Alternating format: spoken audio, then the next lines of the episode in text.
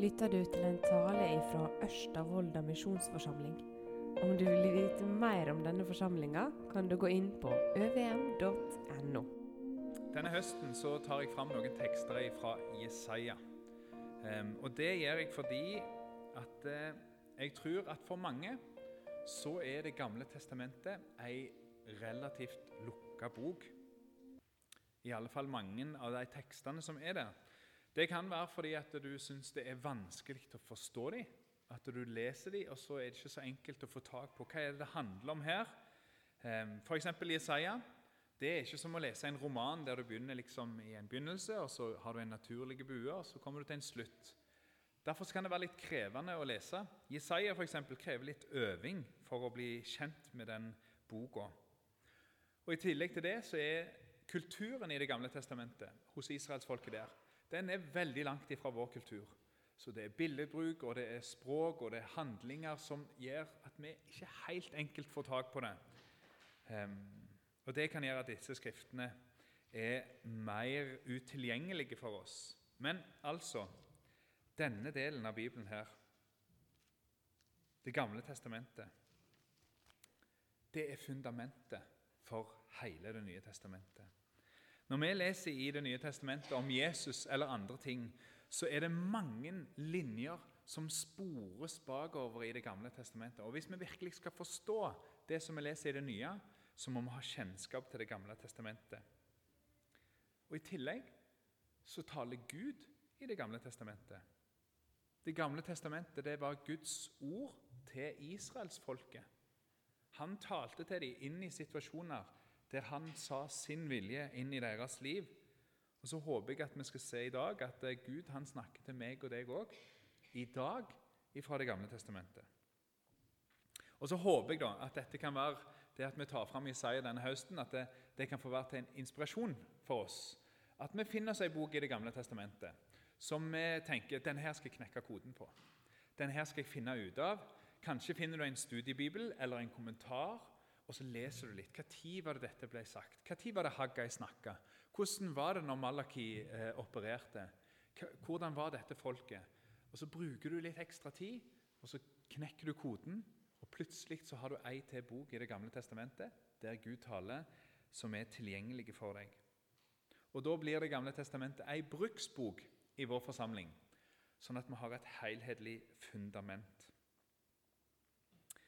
I dag så er det Jesaja 11, 1-10 jeg skal tale over. Og Da håper jeg at jeg får gitt nok informasjon om den sammenhengen som dette står i, og den konteksten det er skrevet inn i, eh, sånn at det er lett tilgjengelig for deg i dag. Eh, og hvis det ikke er det, hvis det er sånn at du ikke helt får tak på det som jeg deler i dag, kan du si ifra da? Vi som jobber og står på og formidler her i forsamlinga, vi gjør det for at eh, vi alle skal forstå, at vi skal få hjelp ifra, og at vi skal fornyes av det som vi hører. Og Hvis vi da ikke klarer å snakke i klartekst, sånn at du ikke får fatt på det, da, da må du hjelpe oss til å forstå det. Her trenger vi hverandre. Kanskje du kommer og gir beskjed da, at dette var litt vanskelig. Kunne du ha forklart litt mer? Um, og så hjelper vi hverandre. Og Det gjelder om du er 15 eller om du er 50, eller om du er 13. Ok. Vi skal ha tre overskrifter når vi skal prøve å ause ut noe fra Jesaja 11. Den første det er løfta og håpet. Den andre er rettferdskongen. Og så er det håpsriket. Og så har jeg satt kongehåpet som overskrift over hele talen. Men vi ber sammen først.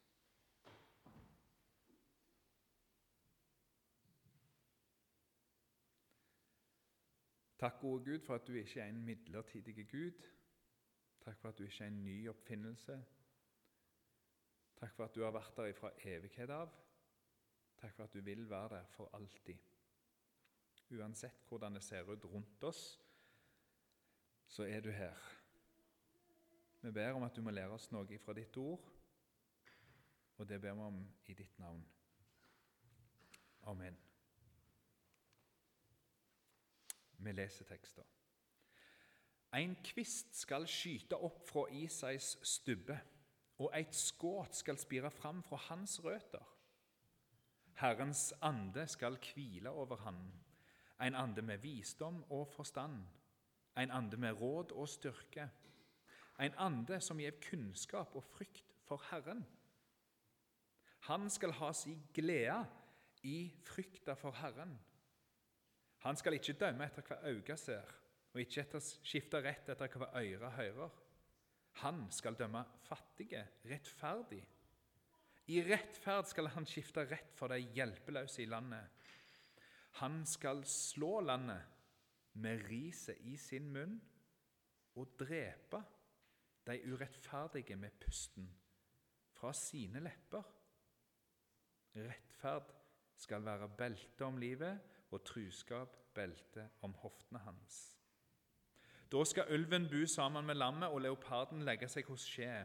Kalv og ungløve skal beite sammen medan en smågutt gjeter dem. Ku og bjørn skal beite.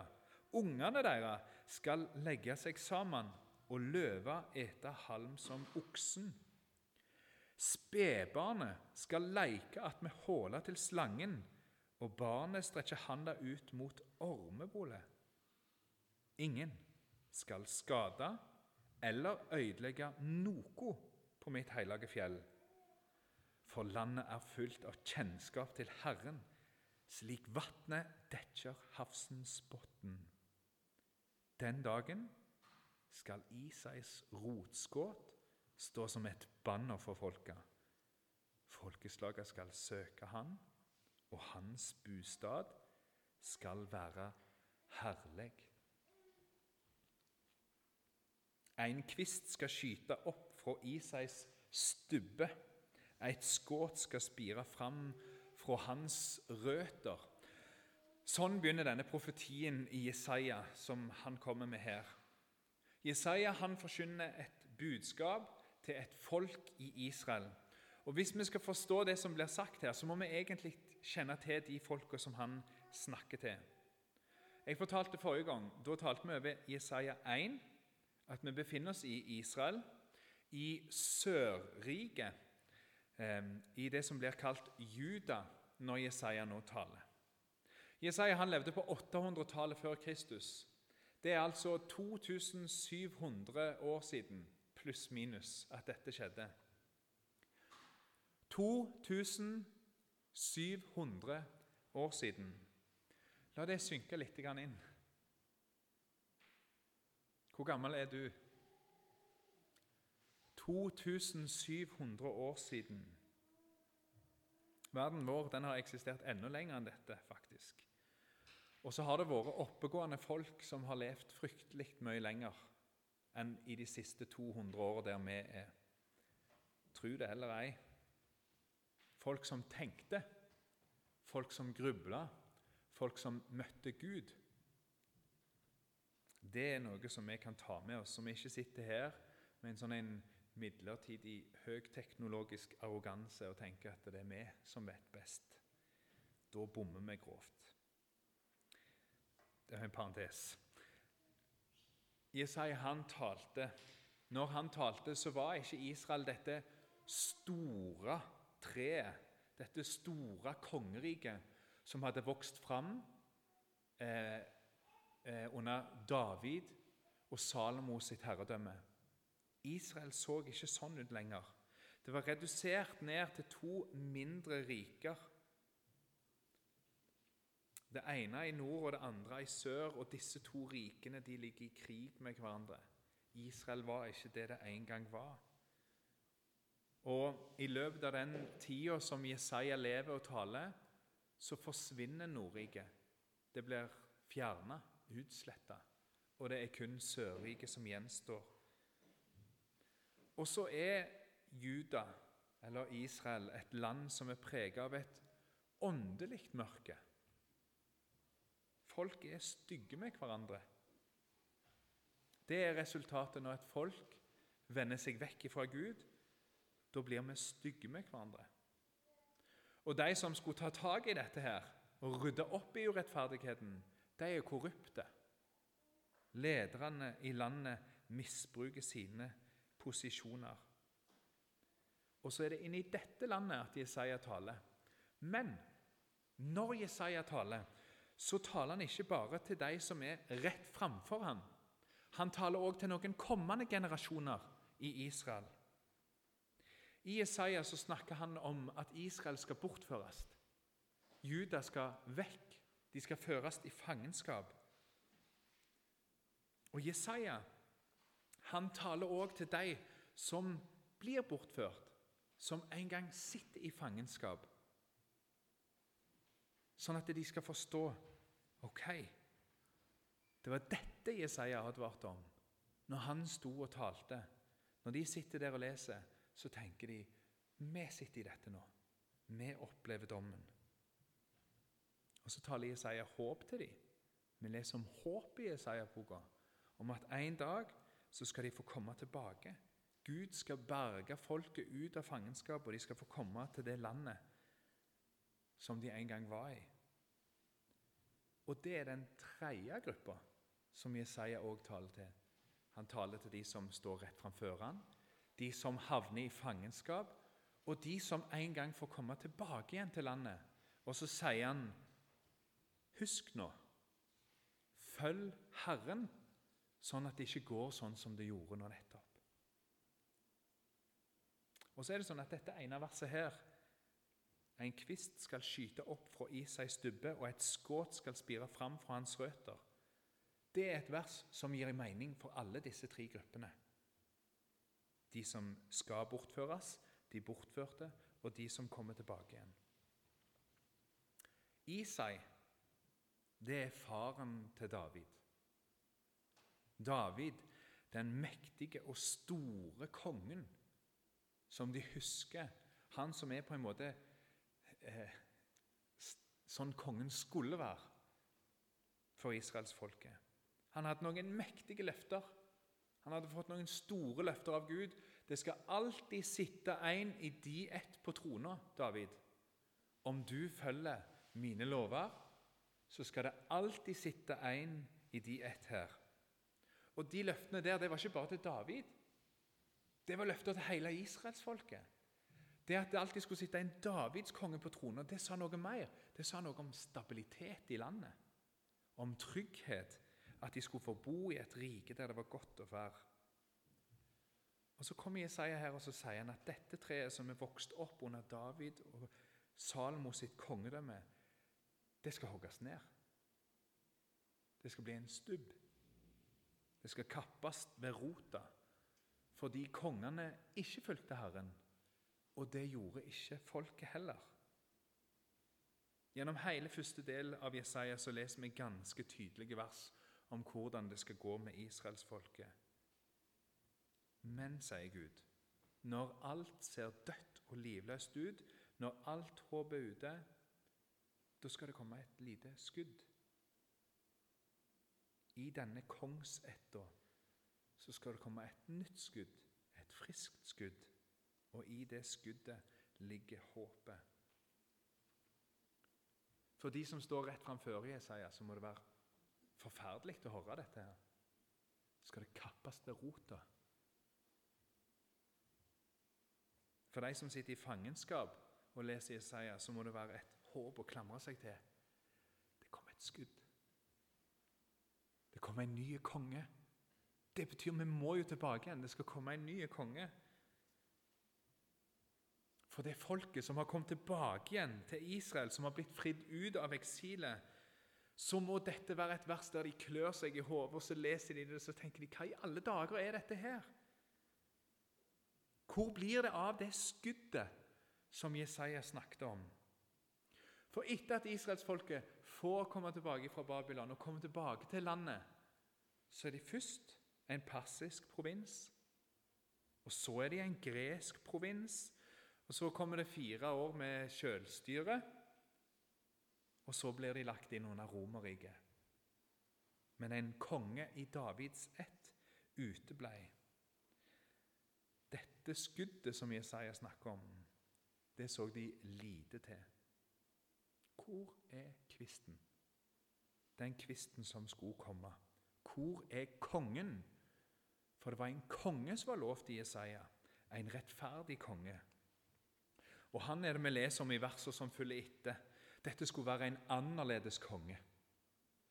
Helt siden David og Salmo så har det bare vært noen få gode konger i Israel. Og til og med de gode kongene de får noen sånne anmerkninger, noen pletter, som beskriver at men de fulgte ikke Gud helt. De gjorde òg noe som var galt. I Jesajas tid så er kong Ahas, eller Akas Det blir skrevet litt forskjellig i ulike oversettelser. Han er den, den store kontrasten til den kongen som vi får forespeila her. Ahas han er en ugudelig konge. Han eh, fulgte alle andre enn Gud. Han tilba avguder, støtter, utforma bilder, store tre, ofra på hauger, og han tok del i hedenske offerskikker. Han lot til og med mennesker ofres. Og når han trengte hjelp, så gikk han heller til en asyrerkonge enn å gå til hjelp til Gud. Men denne kongen, han som vi får beskrevet her i Jesaja 11, han er en annen konge. Det er en konge med en annen karakter. Det står her Guds ånd hviler over ham. Og Guds ånd preger han med visdom og forstand, med råd og styrke, med kunnskap og frykt for Herren. Og så står det 'Han skal ha si glede i frykta for Herren'. Er det egentlig mulig å glede seg over frykta? Her, hvis vi ser, så er det faktisk den frykta for Herren som blir løfta fram som en av de mest avgjørende egenskapene til denne kongen. Å frykte Gud. Hva er det å frykte Gud? Det å frykte Gud i Det gamle testamentet, det kan vi si det er et av de ordene som beskriver tru i Det gamle testamentet. Å tro på Gud. Å frykte Gud, det betyr at du tar Gud på alvor. Det betyr at du oppfører deg mot Han som om Han er den Han er. Han som har skapt himmel og jord. Han som er opphavet. Han som djupest sett holder pusten din i gang nå. Han som er livet, og han som gir livet. Han som gir lys, han som har oversikt og kontroll. Han som kjenner dine minste celler i kroppen, hver eneste ei, og samtidig har oversikt over nasjoner og kongeriker. Hvis du tror på Han, hvordan kan du noe annet enn å frykte Han, da? Hvis han snakker, da vender du øret ditt til, og så hører du på han. For han er vektig. Og det er det som han sier, som virkelig er viktig. Og fordi denne kongen skal tro på Gud og frykte Han, så blir han rettferdig. Han blir ikke som en av disse korrupte lederne i landet som de rike kunne bare tilby en liten slump med penger eller hjelpe de litt til på veien, så hjalp de kongene dem igjen. Nei, han er rettferdig, og han dømmer rettferdig. Og det blir løfta fram at han skal gjøre. Han skal dømme. Og de som da og nå er hjelpeløse i landet, de skal plutselig ha en som står framfor dem og gir dem en rettferdig dom. En som kun lytter til Han som har skapt disse. Han er rettferdig og trofast, og nettopp i det så ligger håpet. At han er rettferdig, og han skal dømme rettferdig. For tusener i Israel som er uprivilegerte, så er dette et håp. Og det er det for oss òg.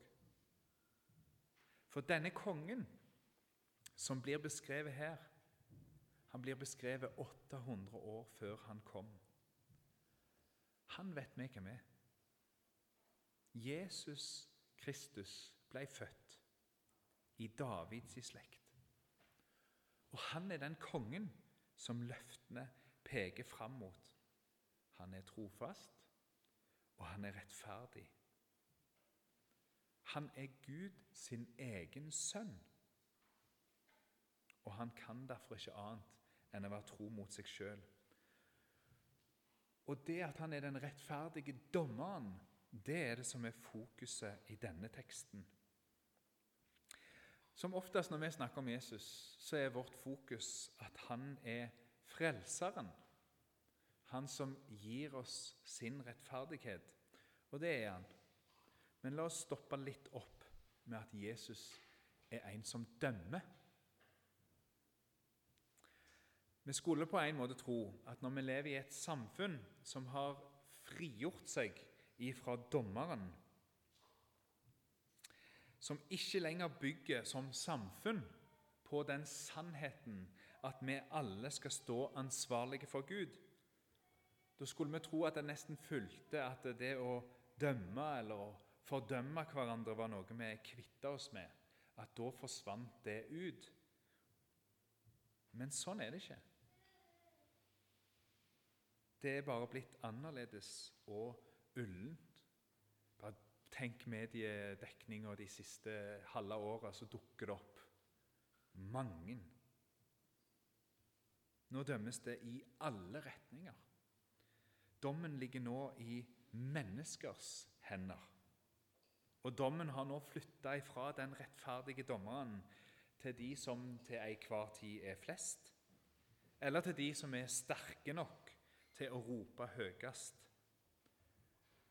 Hva som er blitt rettferdig, det er flytende. Og de som lir, det er de som ikke har ressurser til å stille opp mot de som dømmer. Vi har fått et nådeløst samfunn. Hvis du gjør en feil, så har du tapt. Du er utenfor, og du kommer ikke inn igjen. Og om du kommer inn, så er du for alltid merka som han som gjorde det, eller hun som gjorde sånn. Samfunnet vårt er fullt av dom og fordømmelse, og det preger oss alle når vi dømmer hverandre, oss imellom. For det gjør vi. Da sniker det seg inn noe annet. Det sniker seg inn et ønske om å rettferdiggjøre oss sjøl. Jeg vet ikke om du kjenner på det til daglig en opplevelse av uansett hva du gjør, så trør du alltid feil. Uansett hva du har lyst til, så sitter vi igjen med en opplevelse av å alltid trå feil, tenke feil og ha lyst til feil ting. Vi burde gjøre noe annet. Fordi du hører noen andre i bakhovet, ei eller annen gruppe, som dømmer deg. Du sammenligner deg med andre, og kanskje dømmer du til og med deg sjøl. Full av stemmer som sier hva du burde og ikke burde. Og Hvis du har det sånn, så trenger du en rettferdig konge som skal dømme. En som kan skjære gjennom alt uviktig og meninger og tanker som kommer fra alle grupper, og som setter deg og andre på plass, og så sier han Døm ikke. For det sier Jesus. Døm ikke, sier han. Og Det sier han fordi du har ingen rett til å dømme. Han derimot, han kan, og han skal dømme. Ikke for å rettferdiggjøre seg sjøl, for å dømme til fordel for sine egne valg og prioriteringer, men for at urettferdighet skal bli gjort opp. Istedenfor at vi skal stå rett for alle og enhver, så trenger du én konge. Én og bare én som du skal stå rett for. Men òg her blir vi skyldige. Framfor Han òg så faller vi igjennom. Han som er rettferdig, han setter fingeren på og peker på det som er synd, og det som er galt i livet ditt. Og så sier han dette, Steffen, dette er ikke rett. Det er synd. Det er galt. Men samtidig som han gjør det, så kaller han oss til å vende oss vekk fra det som er galt. Og så ber han oss om å be om nåde. Og når du ber om nåde, så gir han nåde. Han tilgir. Men, tenker kanskje du Unnskyld meg, Steffen, det står jo her at han skal slå landet med riset i sin munn og drepe de urettferdige med pusten fra sine lepper. Hvor er nåden i dette? Vi skal ikke være i tvil. Vår rettferdige konge, han slår hardt ned på synd og på urettferdighet. Han har ikke noe sånn ullen tilnærming til dette. Men i det som kan kalles hellig vrede over uretten som rammer hans skapninger, så slår han. Han henretter, og han dømmer evig fortapt. Og så er det nettopp det som skjer på korset. Gud tar et oppgjør med all vondskap i verden og han dømmer hver ugjerning som har skjedd mot deg, mot dine, mot de som ikke hadde makt eller krefter til å beskytte seg, mot de som var uheldige i denne verden, som ikke hadde noen ressurser. Den urettferdigheten som rammer deg, den gjør han opp. Men han tar straffen på seg.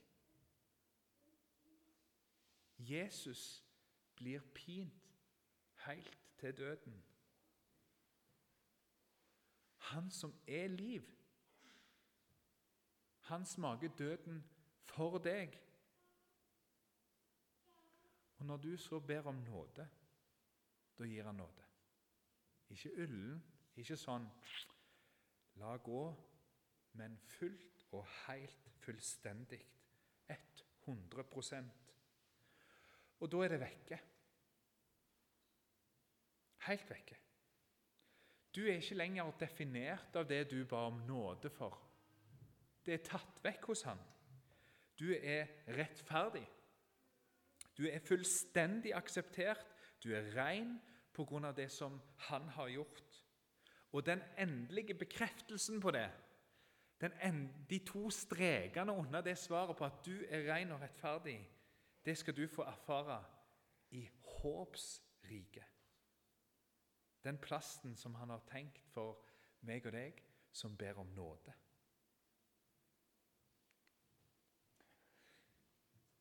Rett etter beskrivelsen av rettferdskongen så kommer beskrivelsen av håpsriket. Og Her ser vi noe om hvordan profetier fungerer i Det gamle testamentet. Når Jesaja mottar dette synet, så kommer det til han som én pakke, som han beskriver. og Litt som vi ser ei fjellrekke så kan du si at for han så framstår dette her som et stort fjell. Og så beskriver han det, og så forkynner han det i et litt dunkelt mørke. Men når sola så går opp, og vi ser litt mer og mer, og tida går, så aner du her er det ulike fjell. Det er forskjellige fjelltopper som kommer til syne her. Israelsfolket skal komme tilbake igjen. De skal få en konge. Og alt dette her har skjedd. Men håpsriket, som vi får beskrevet her i denne teksten, det står ennå igjen. Vi forstår at selv om Jesus har kommet, Guds rike er midt iblant oss allerede, så er det noe som gjenstår. Den freden og harmonien som vi leser om her, den er ikke her ennå. Ulv og lam, leopard og skje, kalv og ungløve og smågutt, ku og bjørn, spedbarn og slanger i en skjønn symfoni. For et tullerike, tenker kanskje du når du leser dette her. For et tullerike! Det går ikke an.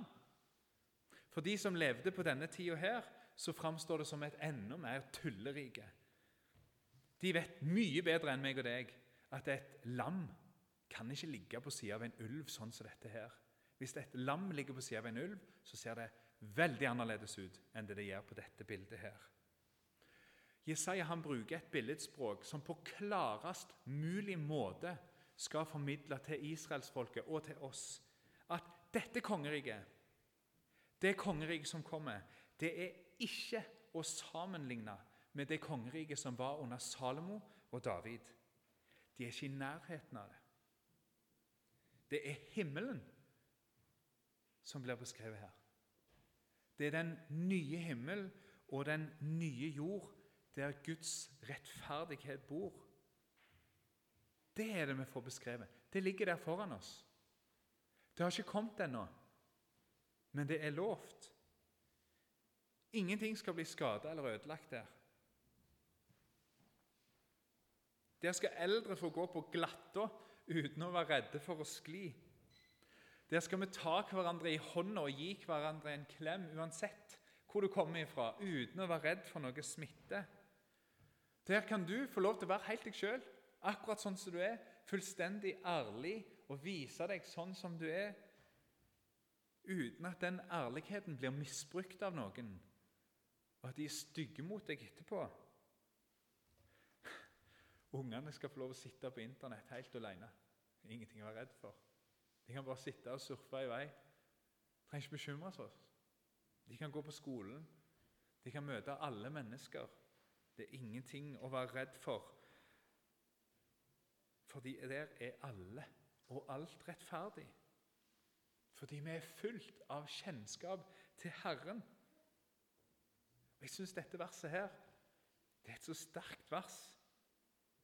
For landet er fullt av kjennskap til Herren slik vatnet dekker havsens bunn. Fullstendig dekka av kjennskap til Herren. Hver krik og krok vi er fullstendig omslutta av Han.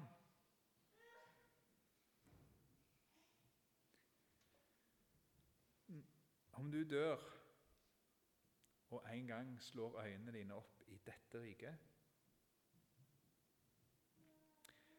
Da skal du vite at i dette riket der får kun rettferdighet lov til å være til stede.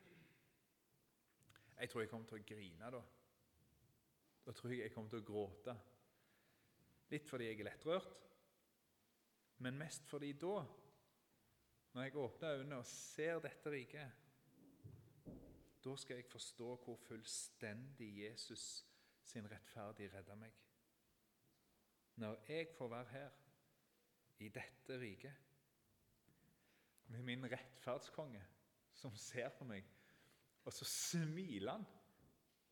Og så gleder han seg over å se hvor ren og rettferdig jeg er.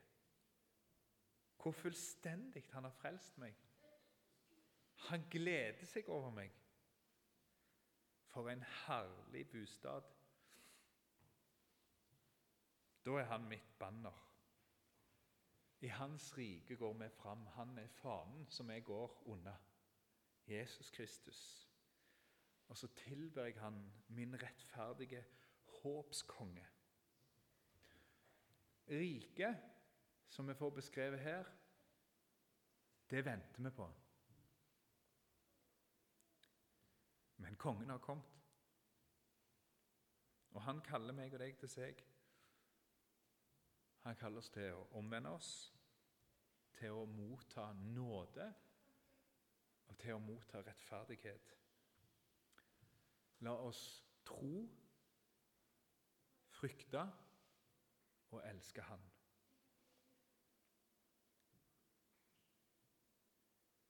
Takk, Jesus. Takk for håpet du har gitt oss. Takk for at du er vår konge, og at du er det nå. Jesu navn.